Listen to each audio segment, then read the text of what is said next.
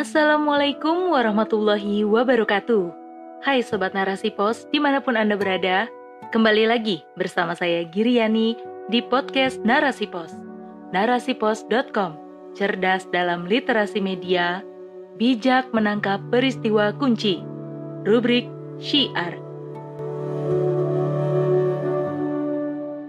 Muliakan hidupmu dengan ilmu oleh Atin. Rasul Shallallahu Alaihi Wasallam bersabda, yang artinya, barang siapa menginginkan dunia, maka hendaklah ia menguasai ilmu. Siapa saja yang menginginkan akhirat, hendaklah ia menguasai ilmu. Dan barang siapa menginginkan keduanya, hendaklah ia menguasai ilmu. Hadis riwayat Ahmad. Hadis di atas hendaknya menjadi penyemangat bagi kaum muslim untuk menuntut ilmu, terutama ilmu agama. Sebab ilmu akan menjadikan kita mengetahui banyak hal, mengetahui baik buruk, benar salah, dan halal haram. Pengetahuan tersebut akan membuat kita hati-hati dalam bertindak dan mampu mengambil sikap dalam setiap amal perbuatan. Kita tidak akan gegabah dalam menilai sesuatu segalanya dilakukan dengan penuh perhitungan agar tidak melanggar aturan agama. Namun sayang, di zaman sekarang, semangat untuk menuntut ilmu agama semakin mereda. Kaum muslim menganggap bahwa belajar agama hanya untuk para ulama, ustadz atau ustazah, dan penceramah. Selain itu, ada juga yang beranggapan bahwa ilmu dunia lebih penting. Mereka sampai rela menghabiskan waktu, tenaga, dan harta benda demi meraih ilmu dunia. Mereka juga rela jauh dari keluarga untuk menuntut ilmu ke luar negeri. Semua dilakukan dengan harapan setelah lulus akan memperoleh pekerjaan yang bagus. Dengan pekerjaan yang bagus, otomatis bisa mendapatkan gaji yang besar dan karir yang cemerlang. Begitulah pemahaman yang ada dalam benak umat Muslim saat ini. Pemahaman keliru ini yang membuat umat Muslim tidak tertarik untuk menuntut ilmu agama. Bukankah mempelajari ilmu agama itu fardu kifayah? Kewajiban menuntut ilmu sudah gugur jika sudah ada sebagian orang yang sudah mengerjakan. Pemikiran seperti itu adalah kesalahan yang sangat fatal. Sebaliknya, setiap muslim diwajibkan untuk mencari ilmu sebagaimana sabda Rasulullah Shallallahu alaihi wasallam menuntut ilmu itu wajib atas setiap muslim. Hadis riwayat Ibnu Majah. Dengan merujuk sabda Rasulullah Shallallahu Alaihi Wasallam tersebut, menunjukkan bahwa menuntut ilmu itu wajib untuk seluruh umat Muslim tanpa terkecuali. Kewajiban itu juga tidak memandang jenis kelamin maupun status sosial, dari penguasa hingga rakyat jelata, semua punya kewajiban yang sama. Oleh karena itu, tak ada alasan untuk menghindari kewajiban ini. Alasan yang tidak masuk akal juga sering kita dengar ketika disampaikan tentang kewajiban menuntut ilmu. Ada yang merasa malu karena usia yang sudah lanjut, sehingga sudah tidak perlu lagi untuk belajar agama. Menuntut ilmu di usia tua hanya membuang-buang waktu dan perbuatan yang sia-sia. Astagfirullah, bukankah saat usia kita sudah tua, justru seharusnya lebih bersemangat untuk menuntut ilmu? Itu semua demi untuk mendapatkan bekal kebaikan sebaik-baiknya selama hayat masih dikandung badan. Meskipun dengan banyak keterbatasan yang mengiringi karena berkurangnya kemampuan dalam menerima dan mencerna ilmu yang dipelajari, entah itu pendengaran yang sudah tidak tajam lagi, ataupun tidak mampu untuk duduk lama-lama karena tubuh sudah tidak bisa diajak kompromi. Pemikiran yang sama juga meracuni para remaja. Benak mereka dipenuhi keinginan untuk menikmati masa muda dengan berhura-hura dan kegiatan anfaedah lainnya. Maka, tidak heran jika mereka menolak saat diajak untuk menuntut ilmu. Alasannya pun sungguh membuat kita mengelus dada. Sebagian dari mereka berpikir bahwa menuntut ilmunya nanti saja kalau sudah tua.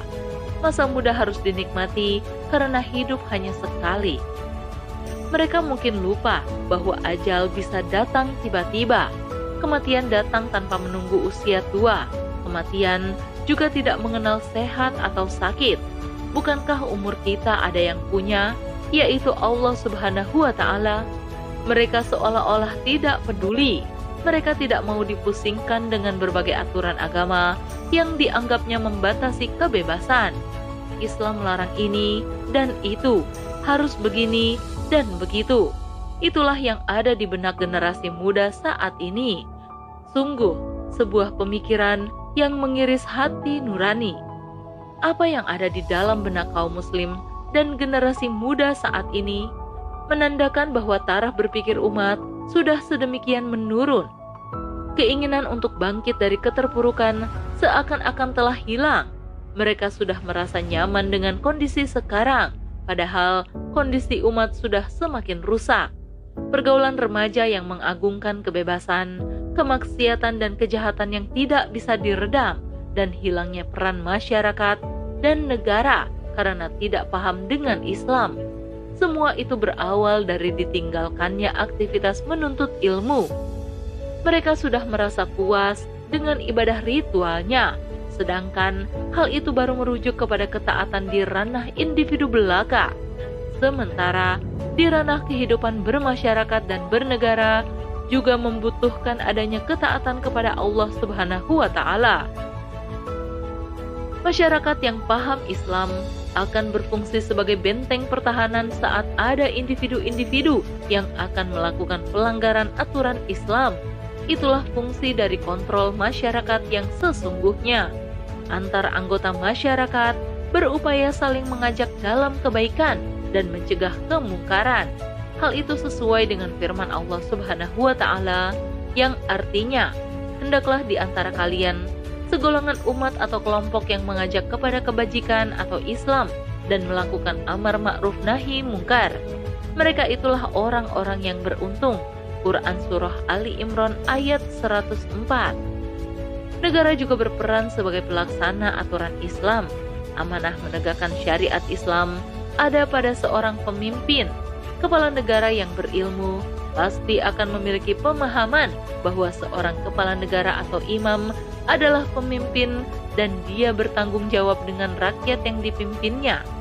Seorang imam sadar betul bahwa rakyat adalah amanah yang harus dijaga, disejahterakan, dan dilindungi sebagaimana sabda Rasulullah Shallallahu Alaihi Wasallam, sesungguhnya seorang imam itu adalah pemimpin dan dia akan dimintai pertanggungjawaban atas rakyat yang dipimpinnya. Hadis riwayat Bukhari dan Muslim. Dari dua dalil di atas, kita bisa mengambil kesimpulan bahwa peran masyarakat dan negara akan mampu memberikan pengaruh positif dalam menjaga ketaatan seluruh kaum muslim sebuah ketaatan yang akan membawa umat menuju jalan ketakwaan hakiki kepada Allah Subhanahu wa taala. Ketaatan kepada hukum-hukum Allah haruslah menyeluruh dan totalitas. Allah Subhanahu wa taala berfirman yang artinya, "Wahai orang-orang yang beriman, masuklah ke dalam Islam secara keseluruhan dan janganlah kalian mengikuti langkah-langkah setan. Sungguh, ia musuh yang nyata bagimu."